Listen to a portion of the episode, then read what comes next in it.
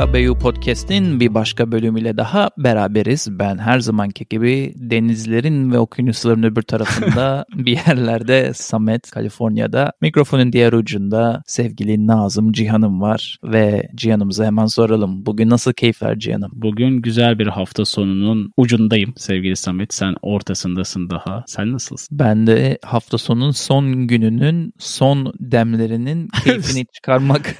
son sekanslara girme çalışmalarındasın podcast'la beraber. Aynen öyle. Bu podcast'tan sonra da gidip bir e, müzeyi ziyaret edeceğim. Heyecanlıyım o yüzden tarihle ilgili bir 2. Dünya Savaşı'ndan kalma ha. bazı şeyleri Chico'ya getirmişler e, gezmek için. Bir sergi açmışlar yani uzun lafın kısası oraya gideceğim. O yüzden güzel bir gün Anladım. olacak diye düşünüyorum. Şimdi lafı hiç uzatmadan istersen konumuza dalalım sevgili Cihan'ım. Bugünkü konumuz podcast'imizde Stockholm Sendromu. Bu Stockholm Sendromu bir kere nereden geliyor? Neden adı Stockholm Sendromu istersen oradan başlayalım. Sen böyle kronolojik girişlere bayılırsın.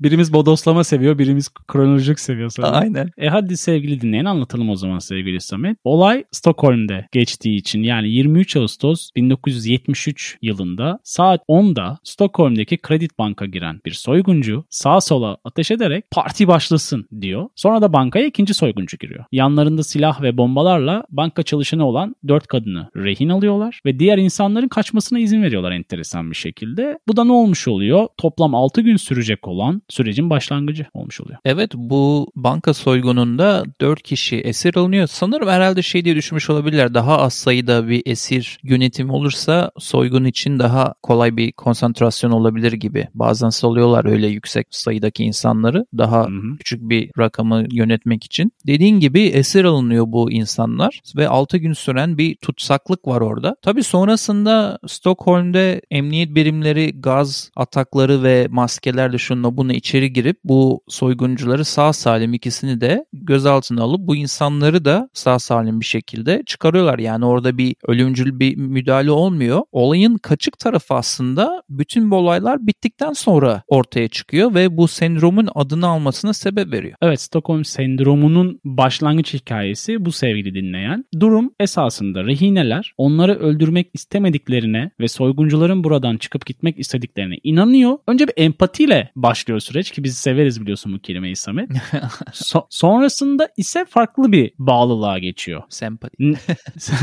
Neyi düşünüyorlar? Mesela soyguncuların gayet iyi insanlar olduğu, yaşama koşullarının bunları yapmalarına yol açtığı, asıl suçlunun ise ablukayı kaldıramayan polis olduğunu düşünüyorlar. Olayı bir başka seviyeye çıkartıyorlar ve o bahsettiğimiz rehineler polislerle ablukayı kaldırsınlar diye de telefonda konuşuyorlar, ikna etmeye çalışıyorlar polisleri. Giderek hani şeye doğru ilerliyor süreç. Soyguncuların tarafına doğru ilerliyor. Senin de bahsettiğin bu işte gaz bombalarıyla, maskelerle polisin içeri girdiğinde rehineler soyguncuların önüne falan atlıyorlarmış. Hani polis onlara zarar vermesin diye. Hani o kadar O derece. farklı bir psikolojiye ilerliyor. E, 131 saat içerisinde bu seviyeye gelmek başka bir psikolojik tarafı da gösteriyor. soru işaretleri oluşuyor tabii insanların aklında. Bu arada sonraki çarpıcı başka bir bilgi de polis ya veya emniyet bu insanlara dolayısıyla bunlar görgü şahidi yani en önemli insanlar konumunda mahkemede Evet. şahitlik yapmalarını istiyorlar. Orada bu insanlar mahkemede şahitlik yapmayı yani aleyhinde bu soyguncuların reddediyorlar. Tabii burada dünya birazcık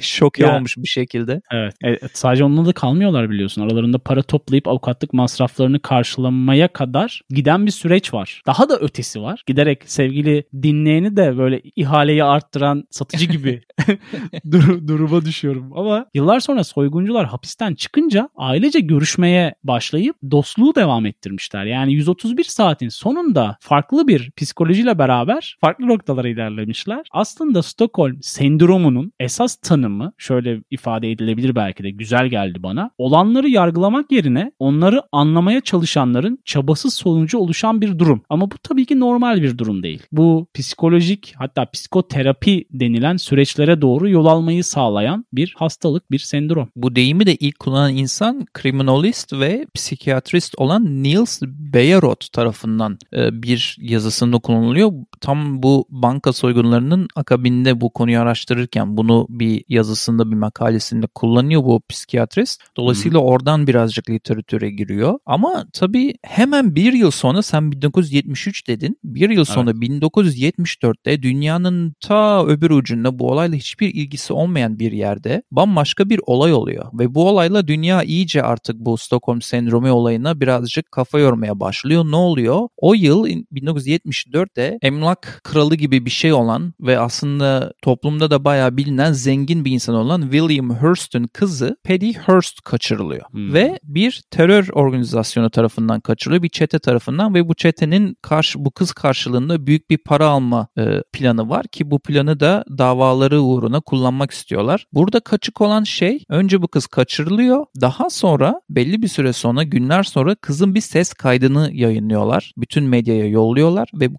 ses kaydında kız aslında artık kaçırılmadığını, davayı anladığını ve çeteye katıldığını ilan ediyor kendi sesiyle. Burada buraya kadar da okey. Belki zorlamışlardır. Hı-hı. Kendi bunu evet. zor bir durumda söylemiştir falan filan. Bütün Amerika'nın şok olduğu ve Stockholm sendromu ile aslında iyice tanıştığı akabindeki olay Paddy Hearst bir bankanın güvenlik kamerasına çeteyle beraber elinde silahlarla bankaya girerken insanları insanları böyle zorbalıkla yerlere yatırıp paralarını alırken ve çeteyle beraber kaçarken görüntüleniyor. Ee, bayağı aleni bir şekilde, açık bir şekilde. Orada insanlar bir e, duru diyorlar. Burada bir gariplik var. Bu kadar olamaz diye. Akabinde Paddy Hearst davasında da Stockholm sendromunun ortaya çıktı. Bu kişinin bu insanlarla çok vakit geçirdiği için onların davalarına aslında gönül koyduğu ve onları desteklediği ortaya çıkıyor. Dolayısıyla iki yıl arka arkaya bu kadar büyük iki olay olunca Stockholm sendromu birazcık kabul görmeye başlamış gibi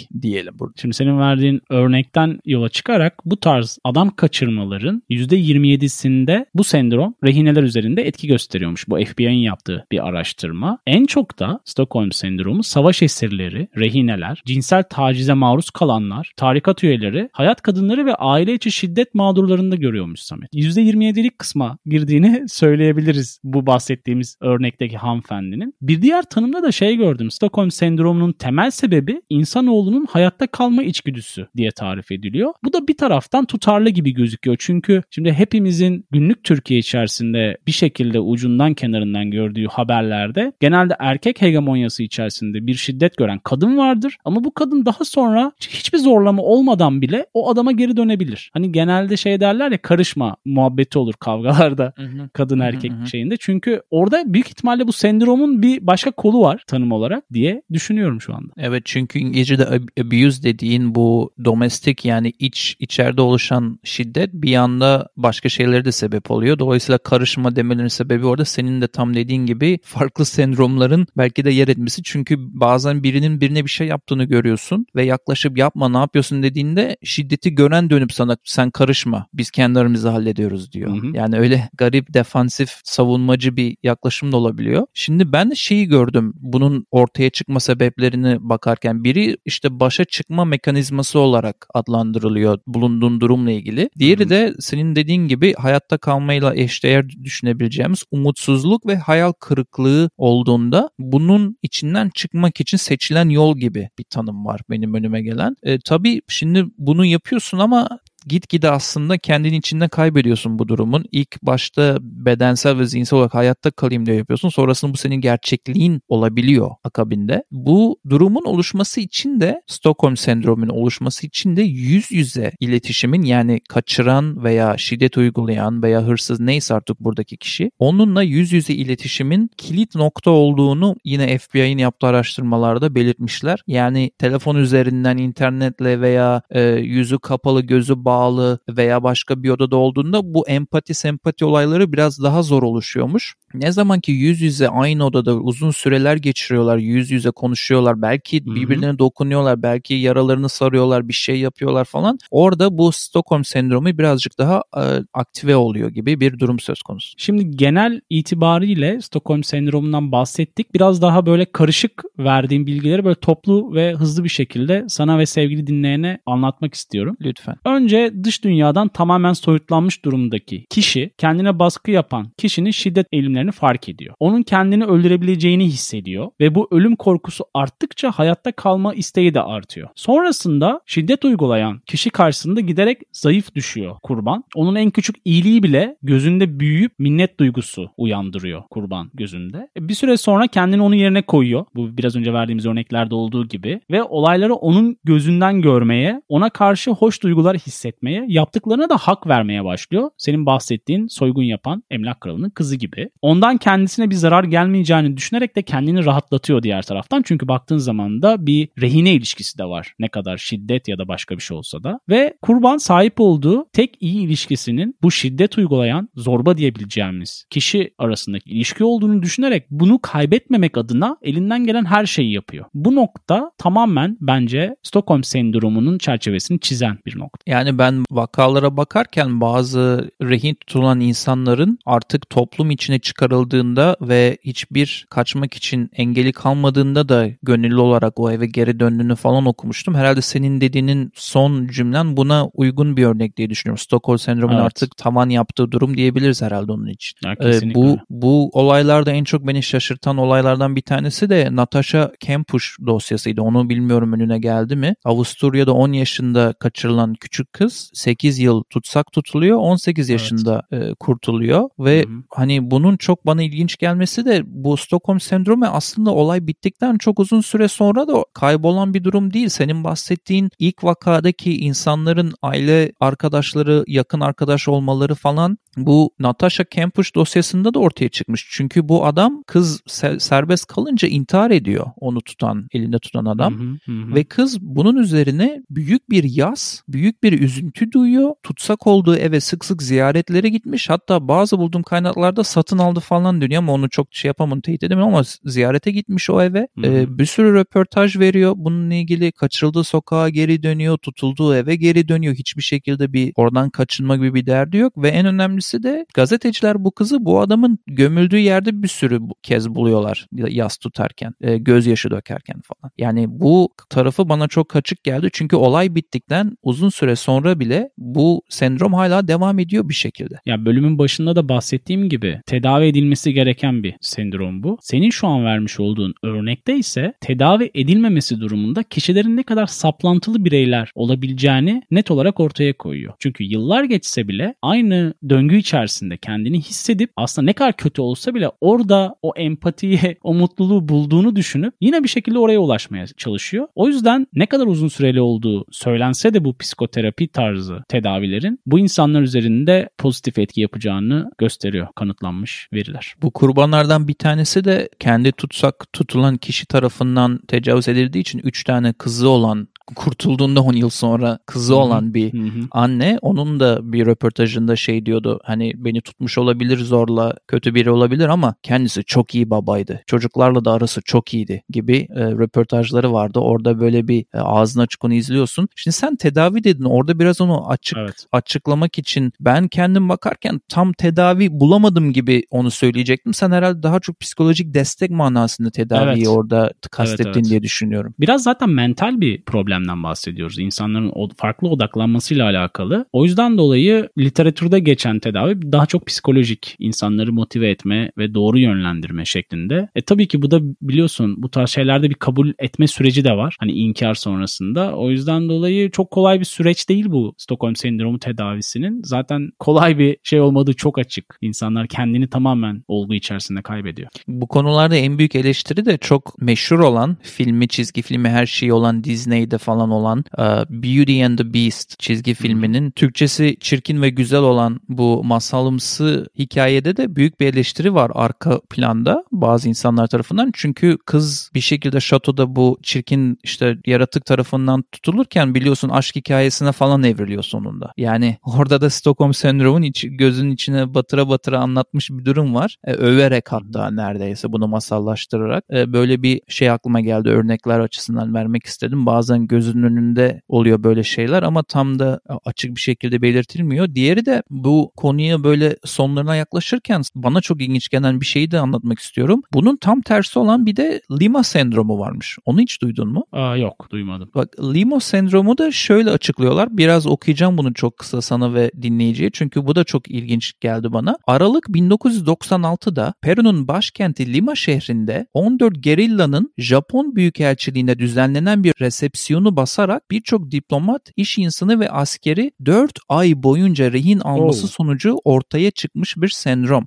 4 aylık bu kriz boyunca militanlar rehinelere sevecen davranmış ve ihtiyaçlarını karşılamış. Hatta rehinelerin büyük bir kısmını da serbest bırakmışlar. Bu olayda da bunun adında Lima sendromu koymuşlar ya da doğuş Hı-hı. olarak kabul etmişler. Çünkü tersi dedik ya burada rehin alanlar rehinelere inanılmaz duygular beslemeye başlıyorlar. Bazıları aşk yaşıyorlar falan filan. Böyle sevgi ya. dolu bir ortam oluşuyor 4 ayın içinde. Bu da tabii benim aklıma neyi getirdi dersin? Şu an çok gündemde olan ve yani son 2-3 yıldır çok gündemde olan La Casa de Papel dizisini aklıma getirdi. Onu evet. da söylemeden geçemeyeceğim yani. Direkt Lima'nın e, konusunu orada ele almışlar. Yani her zaman iki taraflı bağ oluyor bazı şeyler. Biz bu bölümde Stockholm sendromundan bahsettik. Bir diğer tarafı senin verdiğin örnek da tam tersi. Demek ki böyle ikonik bazı soygunlar sendromların adını vererek böyle tarihe mal olmuş. Öyle bir durum da oluşmuş senin verdiğin bu örnekten anladığım kadarıyla. Evet hem Stockholm hem de Lima sendromu iki büyük vakadan ortaya çıktığı için bazı soygunları yapan insanlar farkında olmadan belki de tarih yazıyorlar.